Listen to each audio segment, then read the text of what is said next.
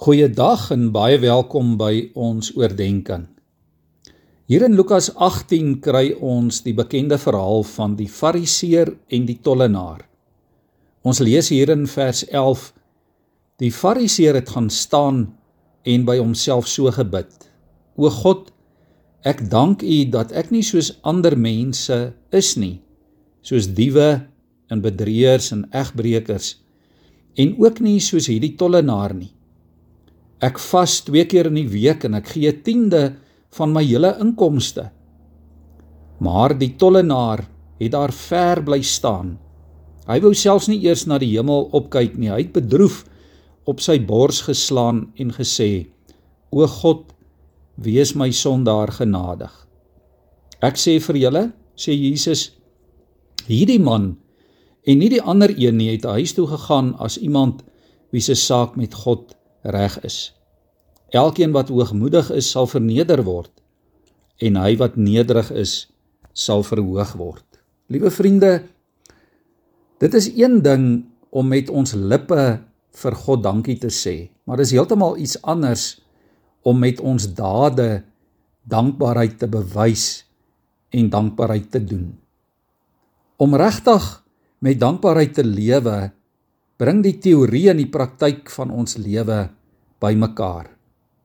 En as die Heilige Gees in ons gebedslewe betrokke is, dan sal ons gebede ook ons harte laat oopgaan vir die nood en vir die behoeftes in die wêreld rondom ons. Die Fariseer daar in die tempel was natuurlik ook dankbaar. Ons hoor dit in sy gebed. Maar dit was 'n dankbaarheid in aanhalingstekens. Sy gebede het as dit ware hol teen die mure van die tempel vasgeslaan. Dit het nie God se hart bereik nie. Want hy het nie 'n oog en 'n hart gehad vir die arme tollenaar wat daar eenkant geroep het vir genade nie. Met sy lippe sê die fariseer vir God baie dankie dat hy nie soos hierdie tollenaar is nie. Maar met sy lewe was die fariseer glad nie betrokke by die elende van sy medemens nie. Sy gebedsverhouding met die Here was daarom ook nie in orde nie. As jy en ek vir God dankie sê in ons gebede en ons doen dit en ons bedoel dit opreg, dan vra ons daarmee ook vir die Here om ons oë oop te maak sodat ons kan sien waarna toe hy vir ons stuur om ons dankbaarheid te gaan bewys. As ons nie ons dankbaarheid uitleef nie, is ons dankgebede ook net leë en niksseggende woorde waaroor God nooit sal glimlag nie. Kom ons onthou dit ook in hierdie dag. Kom ons onthou dit elke dag in ons getuienislewe en in ons verhouding met die Here. Kom ons buig in gebed voor hom. Here vandag kom dank ons U vir die oorvloed waarmee U vir ons seën.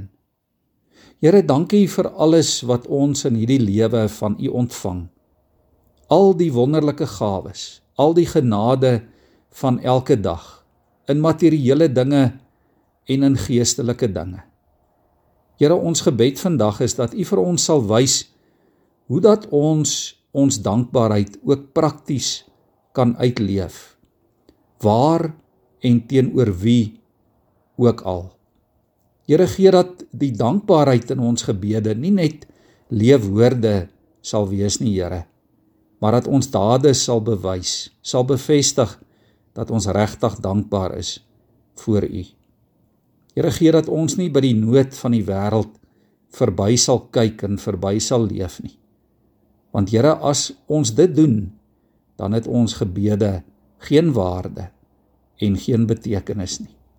Help ons Here om ook aan ons gebede en aan ons dankbaarheid inhoud te gee deur die inspirasie, deur die inwerking van die Heilige Gees in ons harte. Here gee dat ons dankbaarheid werklik opreg sal wees. Ons bid dit in die naam van Jesus. Amen.